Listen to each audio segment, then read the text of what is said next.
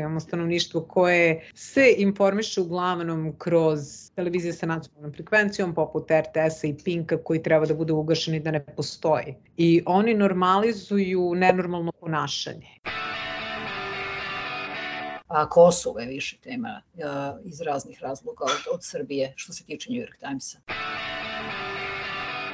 Ako oni stvarno prepoznaju u ovim protestima potencijal za revoluciju, vidjet ćete da će izveštavati mnogo podrobnije o tome, znači bit će detaljnijih izveštaja.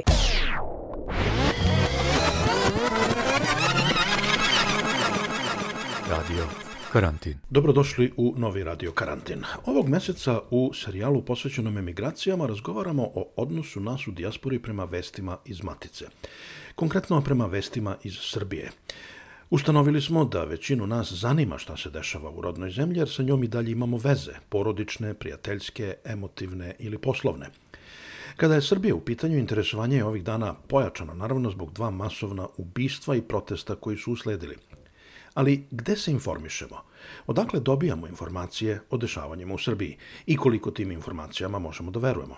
Šta je dobro, a šta loše u srpskim medijima koji nisu pod kontrolom režima? Oni koji jesu nas ne zanimaju. Ja sam Aleksandar Kocić i u današnjem radio karantinu sa gošćama u Njujorku tražim odgovore na ova pitanja. Marija Šajkaš je medijski konsultant i za sebe kaže da verovatno bolje zna šta se dešava u Srbiji od mnogih svojih prijateljica u Beogradu, a Mirena Pantić je profesorka novinarstva na Univerzitetu Pace u Njujorku takođe. Ona kaže da se za vesti iz Srbije posebno zainteresovala nakon masovnih ubistava koje karakteriše kao događaje za koje mislimo da se dešavaju samo drugima,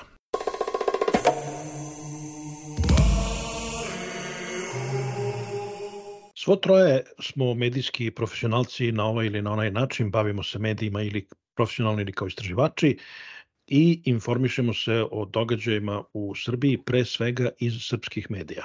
Evo Mirena, počet ću od vas. Kako vi ocenjujete ili kako gledate, koliko ste zadovoljni onim što dobijate od srpskih medija koje pratite? Evo sad moram samo da priznam da malo uh, ponekad pogledam web sajtove srpskih medija, uh, većinu ignorišem zato što su tablidi, zato što su jezivi naslovi na njima i prosto ne želim ni da otvaram. A, još sam i dalje primetila trend da u srpskim medijima se ne stavlja dovoljno akcenat na a, online novinarstvo, a to se vidi po kvalitetu sadržaja, znači i dalje se uglavnom, a, rekla bih ovaj, da ima dosta i dalje početnika koji rade na sajtu i dalje ono što je ovde u Americi bitno, to je online novinarstvo i zaista se dosta ulaže u njega i u stvari ljudi rade u redakcijama koje su ajde da kažem, rade za nekoliko različitih platformi.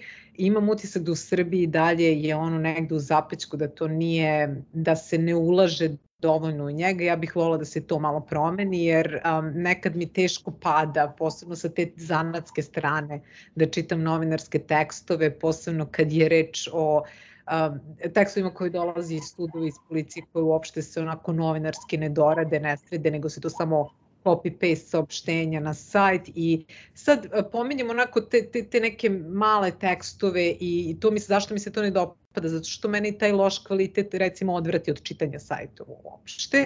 I onda ako se desi da čitam neki sadržaj, to su uglavnom to na kraju budu neki nezavisni sajtovi ili um, manje medijske kuće gde bih pročitala analize i mislim da tu ima zaista odličnih tekstova. Kad je reč o istraživačkom novinarstvu, zaista ovaj, se tu jako profesionalno radi, ali mene boli to što se ne pridaje dovoljno paž, pažnje dnevnom novinarstvu, jer ono ipak a, istraživačko novinarstvo, ja mislim da je uvek nekde, nažalost, bilo rezervisano malo za elite, i da je usmereno ka njima, ali ovo dnevno novinarstvo, dnevni sadržaj koji se objavljuje mora mnogo dobro da se obradi, jer to je taj sadržaj na osnovu kojeg ljudi formiraju stavove.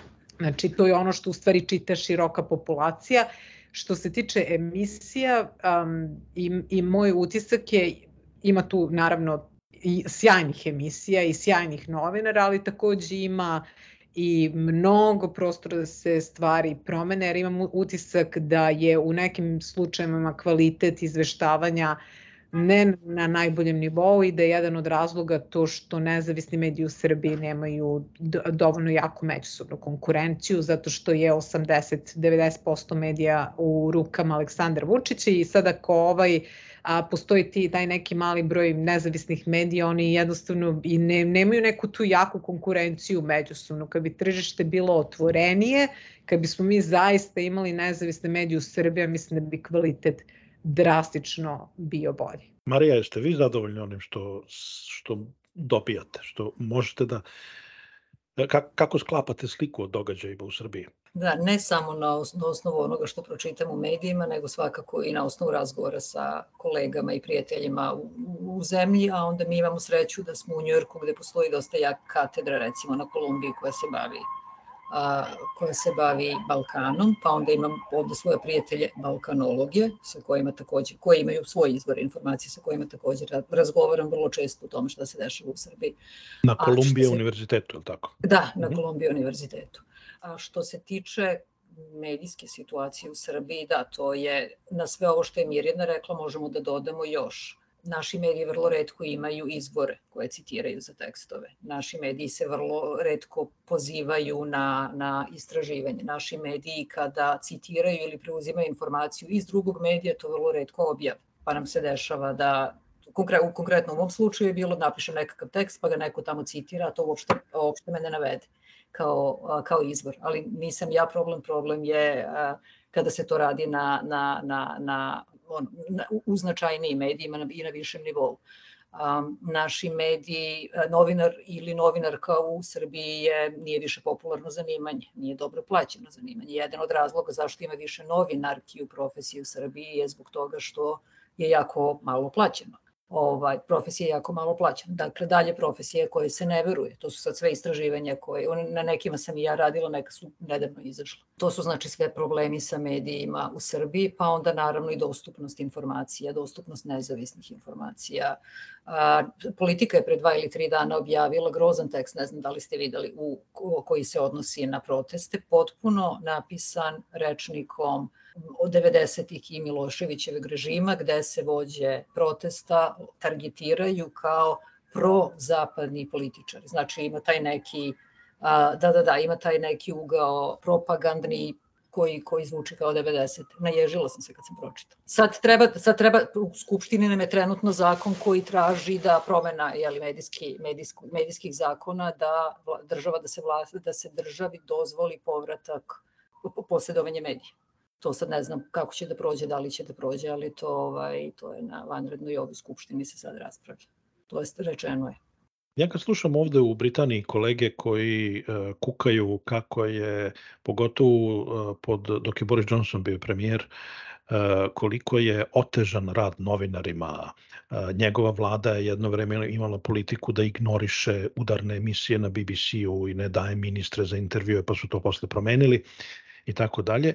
I onda se uvek setim kolega u Srbiji gde, koji bi se smejali kad bi čuli takve stvari kao šta su vama problemi. Tako da uvek imam tu dilemu e, da li smo možda e, malo prestrogi kad nalazimo zamerke srpskim medijima ili nismo, jer s jedne strane ja vidim zanatske probleme, ja vidim da ne dobijam dobru sliku, da mi fali e, dobro napisana vest, da mi fali informacija i tako dalje, da mi fali izvor, ko što kaže Mirjana, a sa druge strane stalno pomislim i iskreno se divim ljudima koji se usude da uđu u nezavisno novinarstvo u zemlji kao što je Srbija, gde zbog toga može da se izgubi glava. Ovde niko nije stradao, niti u Americi, zbog napisane reči. U Srbiji jeste da oni zaista rade u jako teškim uslovima.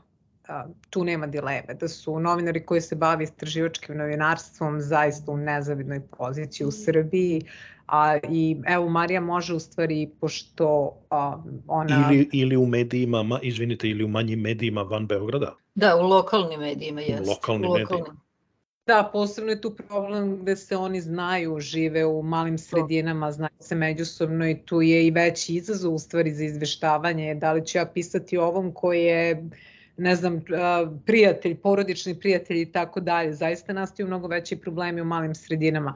Ali ono čemu, o čemu ja sam najviše, to sve stoji, ali ono čemu sam ja govorila je što mene boli taj kvalitet u, u radu novinarskom, mnogo. A, i, I to me boli iz mnogo razloga, ne samo zato što, ajde, ja sam završila, bila sam u medijima 12 godina, nego isto tako me boli jer jedna od stvari na koju se mi najviše ponosim, na koju se ja ponosim kad pomislim na Srbiju jeste to što mi imamo tu kulturnu svest. Ljudi kod nas vole da odu u pozorište, vole da čitaju knjige, vole da se informišu, vole, imaju tu neku opštu kulturu i meni je novinarstvo i tekstovi koji se objavljuju u medijima, način na koji su oni napisani jesu deo naše kulture ako, ako mi konstantno, ajde da kažem, upijamo loše tekst, loše napisane tekstove, tekstove u kojima se koriste vulgarne, vulgarne reči, a, senzacionalistički naslovi, to zaista srozava našu kulturu, znači to direktno utičanje i to je ono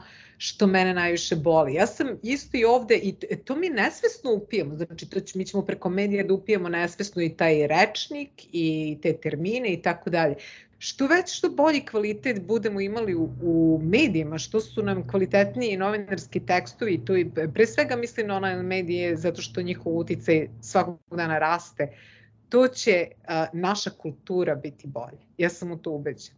E, ja sam e, više puta rekao i dalje misli, i dalje verujem u to da će, e, da će prvi za smenu vlasti u Srbiji saznati portir u Aberdarevoj u RTS-u jer i dalje mislim da su mediji ključ bitke koja će se voditi u nekom trenutku u Srbiji, koja možda počinje s ovim protestima, možda ne.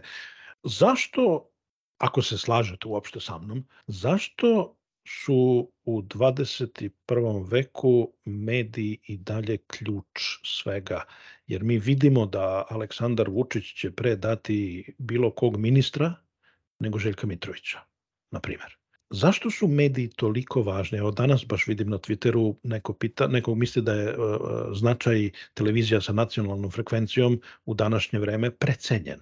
Ja mislim da nije u zemljama, pogotovo u zemljama kao što je Srbija, uh, ja mislim da nije. Ne znam da li se slažete sa mnom, ali da li, je, da, li vam se, da li vas fascinira to ili ne da se i dalje bitka glavna vodi oko medija? Kako drugačije. Ovaj, što se tiče nacionalnih frekvencija, a, tu ja, treba se napravi još, treba se, postoji još jedan argument. Naše nacionalne frekvencije su nacionalno dobro i na našem nacionalnom dobru ne može da se emituje đubre kao što su a, kao što je zadruga ili, ili vesti Pink u kojima Željko Mitrović od, javno se obraća 40 minuta direktno u kameru čitajući neko pismo Đorđu Sorušu ovaj, ili ruska propaganda, direktna ruska propaganda kao što je TV Happy. To ne, to ne treba da bude na, ni na jednom naciju, podeljeno kao nacionalno dobro inače stvarno govori, a, govori što šta o toj naciji. Jel da? A važnost medija, pa ja mislim da su mediji uvek bili važni. To je i da će uvek da budu važni. Nije mi, nije mi, ne, ne čini mi se da je ovaj moment odlučujući ili nešto drugačiji od 90-ih ili 45. ili ne znam. Pa, pa unazad možemo da idemo. A, u krajnjoj liniji o značaju političkom medija svakako govori činjenica da su, a to se kolega, vi i ja sećam jer smo malo stariji od koleginice, mediji svojevremeno u staroj Jugoslaviji, to je socijalističkoj Jugoslaviji bili a, od posebnog a, značaja, tako su bili, tako je tako išla ovaj a, a, tako išla fraza uz medije, što je značilo da se da da je imalo ne samo poseban značaj u društvu, nego da im se na poseban, značaj, poseban način pristupalo, da su bili ljudi koji su cenzori, cenzurisali ono što ide u medije, da smo imali autocenzuru, a, da su bile, bili a, svakako i tada shvaćeni kao deo, a, integralni deo sistema političkog ja ovo pitam do, do nekle ono, neiskreno i cinično, jer ja sam inače od ljudi koji veruje u, u, uticaj medija, u značaj medija i trenutno sam angažovan u nekoj radnoj grupi koja istražuje budućnost uh, javnih servisa u Velikoj Britaniji ali uh, argumenti koje moramo da uzmemo u obzir u tim našim uh, diskusijama, i scenarijima koje razmatramo jesu društvene mreže, jesu alternativni kanali informisanja, pa se onda zaista postavlja pitanje da li je moguće da se mi, da, odnosno da li je neophodno da se mi dalje koljemo oko uticaja Pinka i Happy-a ili oko ovde pristrasnosti BBC-a koja ovaj, da li postoji, da li ne postoji, kontrola koju vlast drži. U Americi pre svega imamo kontrolu koju uticaj krupnog kapitala na medije i tako dalje. Da li to praktično znači da alternativni izvori informisanja još uvek ne mogu da priđu po značaju tradicionalnim klasičnim medijima, pre svega elektronskim? Pa eto, mi imamo, ajde da kažemo, prvo imamo staro stanovništvo. Dobro, mediji su ti koji kreiraju javno mnenje i zato je njima jako važno da okupiraju nacionalne frekvencije. Imamo staro stanovništvo, imamo stanovništvo koje se informiše uglavnom kroz a, te ili televizije sa nacionalnom frekvencijom poput RTS-a i Pinka koji treba da bude ugašeni da ne postoji, naravno. I oni normalizuju nenormalno ponašanje i problem je veliki uticaj koji imaju na, me, na stanovništvo zato što, evo, recimo znam neke ljude koji su vrlo pristojni, ali obožavaju Vučića. I meni nikad neće biti jasno zašto oni obožavaju Vučića. Ja se stvarno zaista pitam kad ih vidim i kad čujem njegov govor na televiziji kako njima to može da bude prihvatljiv, jer iz njihovih usta nikad nisam čula tako ružne reči, ali recimo uticaj njegov kroz RTS, kroz PIN, kroz ostale medije je poguban zato što on njima pokazuje da je takvo ponašanje normalno i dozvoljeno. Šta se dalje dešava? To su ljudi koji su aktivni glasači i zato je ogroman uticaj tih medija sa nacionalnom frekvencijom na njih. To su ljudi koji su aktivni glasači, koji će uvek, dakle, koji će uvek izaći na izbore i to je, um, to su glavni mediji kojima on kontroliše javno mnenje. Dakle, taj deo javnog mnenja. A, I ako recimo, ajde sad kažemo, pa dobro, tip, ima među njima i tih nekih ljudi koji su na društvenim mrežama i tako dalje. Pa da, jesu na društvenim mrežama, ali on na društvenim mrežama traži isto mišljenike. I njemu će algoritmi da podese vesti informacije koje su u skladu sa njegovim mišljenjem. I sve i da mu taj algoritam ne, a, ne, obli, ne, ne pronađe informacije koje su u skladu sa, sa njegovim mišljenjem, on će sam da ih traži. Jer postoji nešto što se zove kognitivna disonanca, ljudi jednostavno odbacuju informacije informacije koje nisu sa njihovim stavovima, sa njihovim razmišljenjima i znači on ako ode online da traži vesti, on će tražiti nešto što će samo dodatno da, da, taj, da učvrsti taj njegov postojeći stav. E, ono što meni sad daje malo optimizma jesu te mlade generacije i drago mi je da, da ih vidim na protestima danas, jer mislim da se i tu malo kontekst promenio, zato ja malo imam više optimizma što se tiče ovih novih protesta u odnosu na onih od ranije. Promenio se kontekst u smislu da mi kad smo protestovali, ne znam, pre 20 i više godina, a da nismo imali ovu količinu, nismo izloženi, bili izloženi ovoj količini informacija koju su oni izloženi danas i da nismo imali toliko mogućnosti da putujemo oni danas imaju tu mogućnost, znači njih ne možete da lažete. Oni su vrlo svesni u kakvoj zemlji žive. Te mlade generacije vide svoje vršnjake ili ih vide preko društvenih mreža ili ih vide preko a, raznih digitalnih, drugih digitalnih platformi i njih više ne možete da lažete. I oni su ti koji se prvenstveno informišu online i oni imaju mnogo veći pregršt a, informacija od ljudi koji se informišu preko, nacionalnih, preko televizije sa nacionalnom frekvencijom. I ja mislim da tu, ajde da kažem, postoje neki tračak nade da će oni da se angažuju politički i da, i da tu možda postoji neki, nekih elemenata za, da kažem, za promene. Ali definitivno, bez obzira na sve ove mane koje ti online mediji imaju i društvene mreže, definitivno oni isto, takođe mogu da, i da probude ove mlade ljude koji su vrlo svesni, ja sam sigurno da su oni vrlo svesni u kakvoj sredini žive izvinjavam se, ne treba da zaboravimo ni važnost medijske pismenosti, jel to je, to je izraz na srpskom. A, to postoji, a moje dete recimo u Njujorku od trećeg osnovne ima nekako integrisano medijsku, medij, medijsku, medijsku pismenost i na tome se radi bukvalno svake godine, ona je sad u srednjoj školi. A znam da ima programa medijske pismenosti sada i u Srbiji, tako da eto, nadamo se da i edukacija uh, a, može da doprinese e, bolje i bolje percepciji šta je, šta je, šta je prava informacija, a šta je ruska propaganda. koje by the way meni šalje ta, tata stalno, jer je time tome izložen u Viber grupama. Da, Marija, htio sam da vas pitam ovo. E, e, ako zanemarimo režimske medije koji e, po komandi praktično prave kult ličnosti da. Vučićeve, da li mislite da u nezavisnim medijima u Srbiji ima previše Vučića? I pogotovo A... Vučić trivije.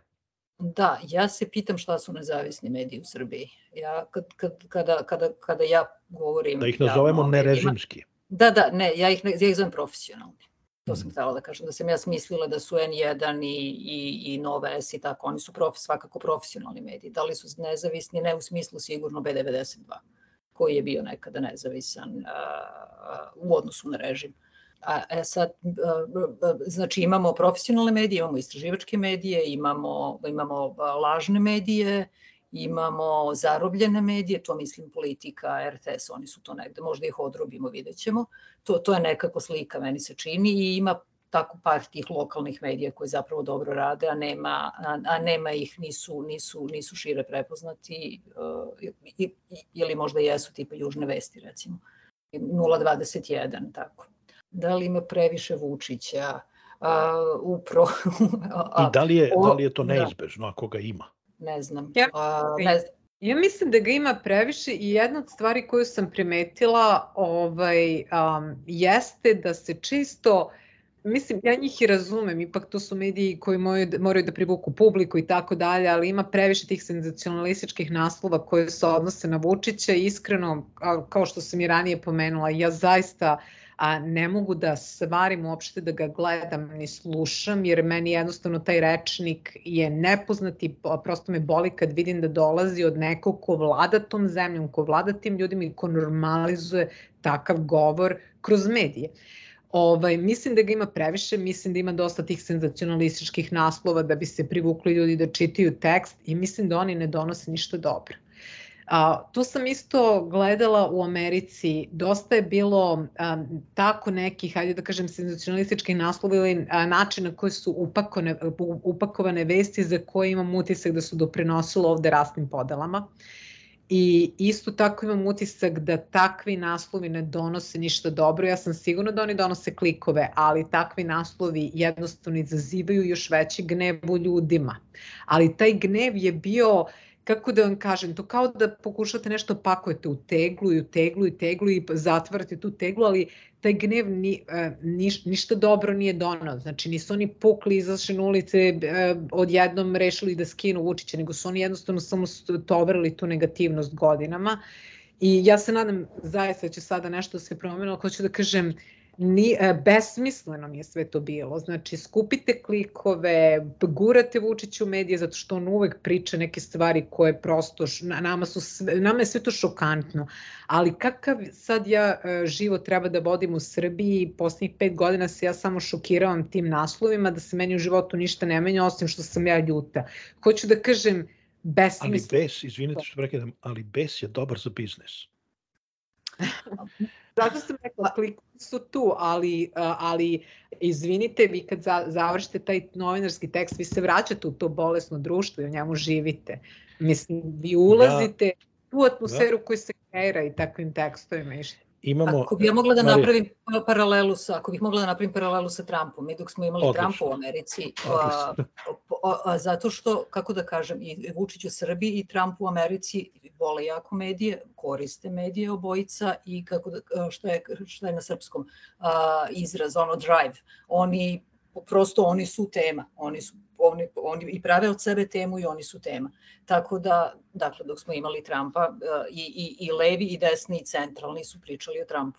I New York Times je izveštavao na razne načine svaki boži dan, na više od, od jednog teksta. I na svakoj televiziji i na NPR-u, što je jeli, a, a, kako, kako bismo rekli, community radio, znači bilo je Trumpa non stop u mediji. Prosto to je figura koja je tako upletena u medije da je neizbežno. Meni se čini da je Vučić kod nas figura koja je toliko upleten u medijsku manipulaciju da izveštavati o njemu a, neizbežno. Ono što je problem u srpskim medijima možda je što ne postoji ništa drugo, jer mi ovde slušamo dok je bio Trump, Trump, Trump, Trump, čitamo o Trumpu, a onda mogu da otvorim New Yorker i da pročitam fenomenalne tekstove na sasvim druge teme. A vi u Srbiji, nažalost, nemate ništa kad završite sa tim N1, gde čujemo nešto kulturnije i na kulturni način upakovano, ili ta nova S ili danas, nažalost više nema ništa što, što čoveku pruži dodatan, dodatni jako, kako da kažemo, oplemenjujući medijski sadržaj.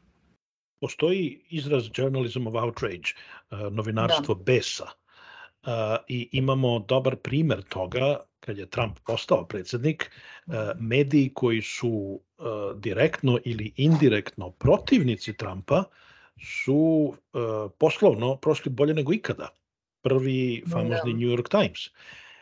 -hmm. Zato što imate veliku publiku, veliki segment publike koji voli da konzumira vesti o osobi koja ih nervira, koju mrze. Ali, ali tu imamo, pardon, tu imamo, kako da kažem, ja sam tu New York Times više videla ulogu New York Timesa kao ono watchdog korektiv. Ja sad moram da, New York Times sad mora da pazi dobro šta to Trump radi i da nas o tome obaveštava, jer je to jedna od dijeli, specijalno u Americi, jedna od funkcija vrlo važnih novinarstva.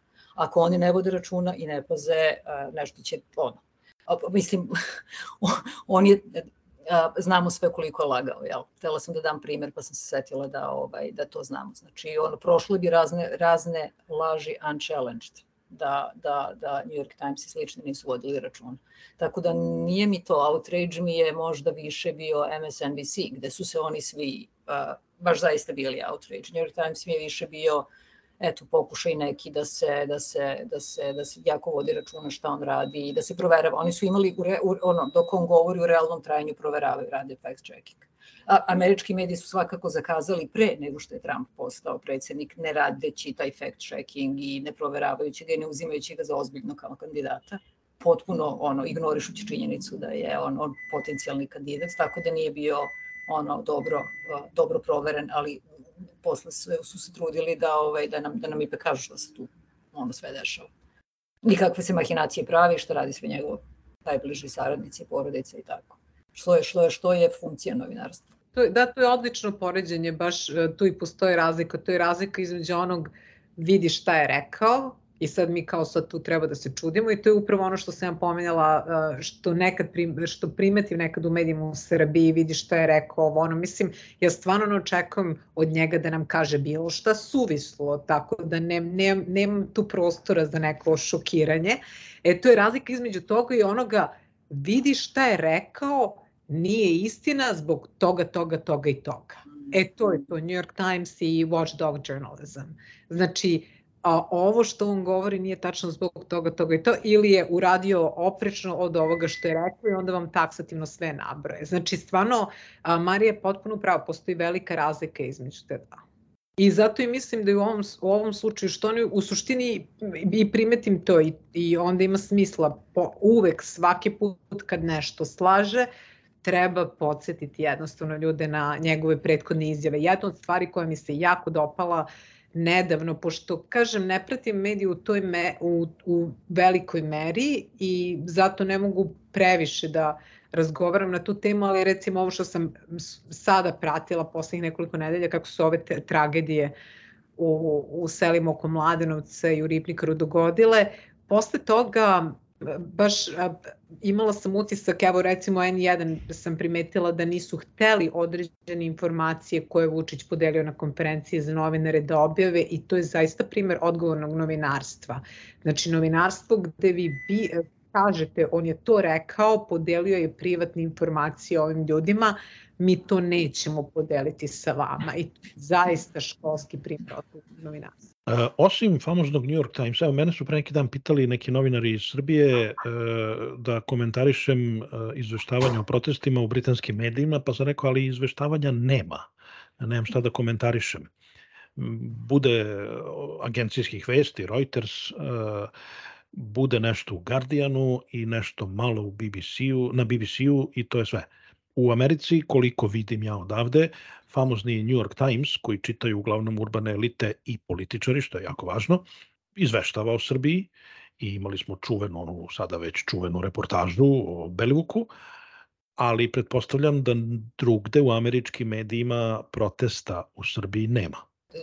New York Times nedavno izveštava i, i ne izveštava, kako da kažem, ne izveštava kao što recimo izveštava iz, samo da razmislim, Rima ili iz nekih drugih evropskih predstavnica. Tamo idu neki ad hoc novinari. Ne, ne, koliko mi je poznato, mislim da mi je poznato, nema novinar, novinar kako je stacioniran uopšte na Balkanu, koji sad prati region. A ovaj, to je prva stvar. Mi smo od nedavno ponovo tema New York Times. Pre toga jedno duže vreme nismo bili. A Kosovo je više tema a, iz raznih razloga od, od Srbije što se tiče New York Timesa.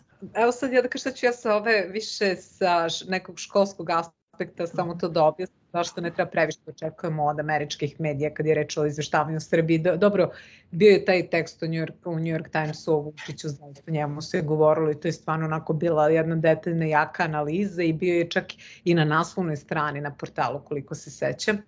Ovaj, e sada, a bio je skoro jedan tekst, ali to je više bilo kako da kažem, to nije išao, taj tekst o protestima u Srbiji nije išao nešto mnogo u detalje i više je bilo eto kao desilo se, kao kad izveštavaju iz bilo, nek, bilo koje druge zemlje u svetu u tom, u domenu kao šta se dešava na globalnom nivou, pa eto im, ima masovnih protesta u Srbiji.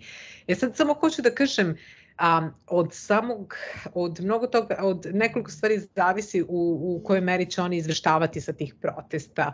A, prvo, jedan od jedan od, jedna od glavnih, hajde da kažem, varijabli zbog kojih a, strani mediji izveštavaju o događajima vani jeste koliko je taj do, sam događaj devijantan. Znači, da li on može da izazove neku veliku društvenu promenu. Ako oni stvarno prepoznaju u ovim protestima potencijal za revoluciju, vidjet ćete da će izveštavati mnogo podrobnije o tome, znači bit će detaljnijih izveštaja. I ja mislim i dalje, iako mi, ajde da kažem, imamo iskustva s tim protestima u Srbiji, odasle smo i onda možemo otprilike da vidimo u kom se to smeru razvija, mada i mi nismo sigurni da li će oni istrajati sa tim protestima do kraja, da, mi smo opti, više smo optimisti nego što smo sigurni da će se sa tim gurati do kraja, Ovaj, znači, oni u stvari sada mere u kojoj, u, u, kojoj, u kojoj meri zaista ti protesti imaju a, revolucionarni kapacitet za revoluciju, onda će u zavisnosti od toga izveštavati. Sada tu ima i nekih drugih stvari. Kad je reč o Kosovu, da, oni su politički i vojno upleteni na Kosovu i zato će više izveštavati o Kosovu.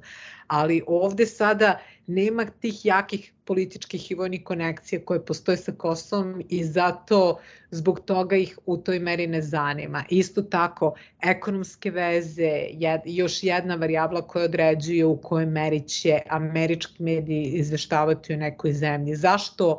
Evo, na primjer, oni izveštavaju o terorističkim napadima a, na, u, koji su se dešavali u Francuskoj u odnosu recimo na neke terorističke napade koje se dešavaju u Aziji? Pa zato što zbog ekonomskih, političkih, vojnih veza koje imaju sa Francuskom, znači njima je, oni pre svega gledaju ko je taj njihov partner u, uh, u zemlja, da, u kojoj meri ona njihov partner i koliko su oni zapravo upleteni, koliko su tu jake kulturološke veze, političke, ekonomske, vojne i tako dalje da bi izveštavali o tome. Znači, njima, da kažem, Srbija da bi ona dobila a, veću, a, veću težinu, da bi ti događaji dobili veću težinu u američkim medijima iz ove perspektive, znači govorimo o protestima, mo, a, sve zavisi od njihovog revolucionarnog potencijala. Ima ona stara izreka if it bleeds, it leads.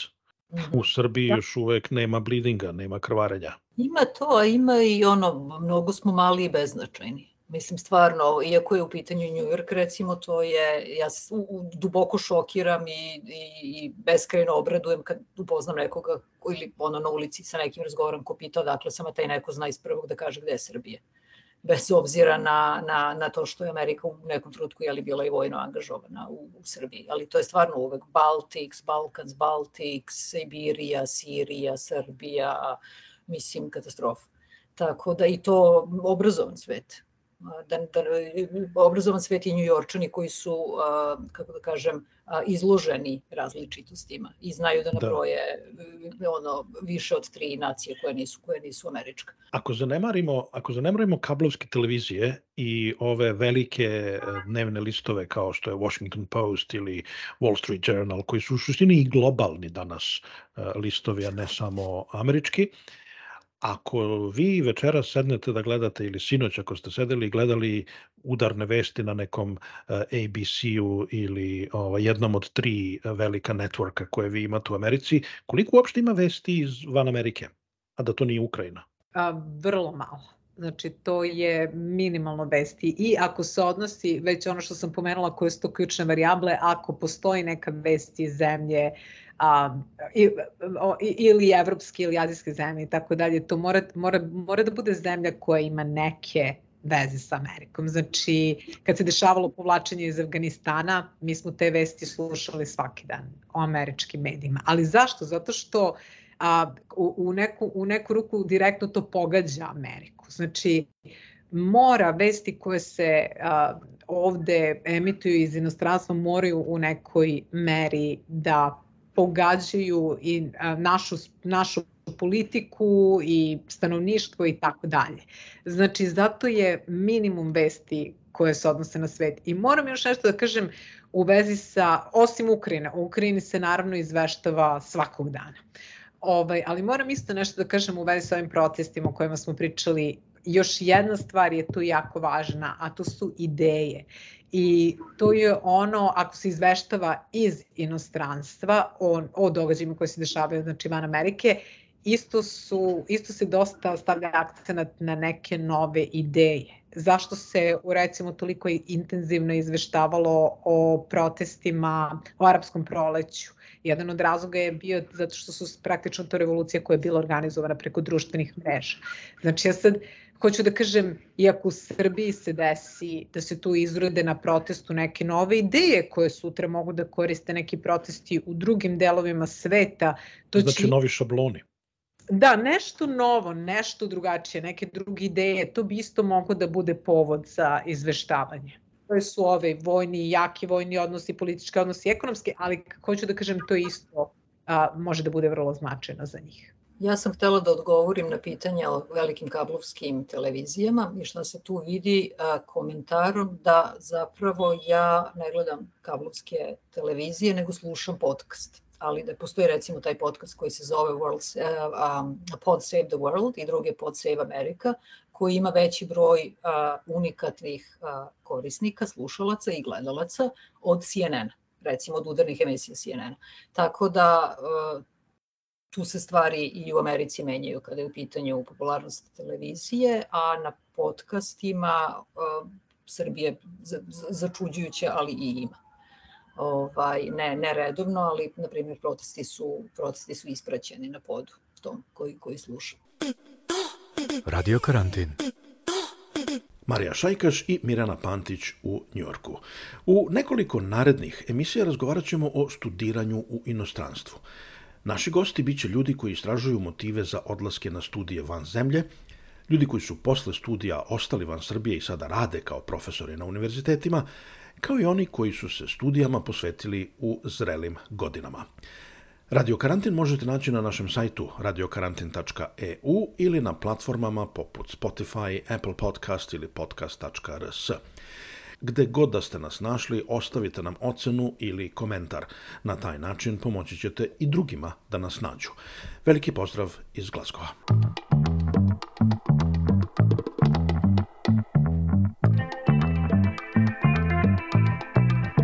Radio Karantin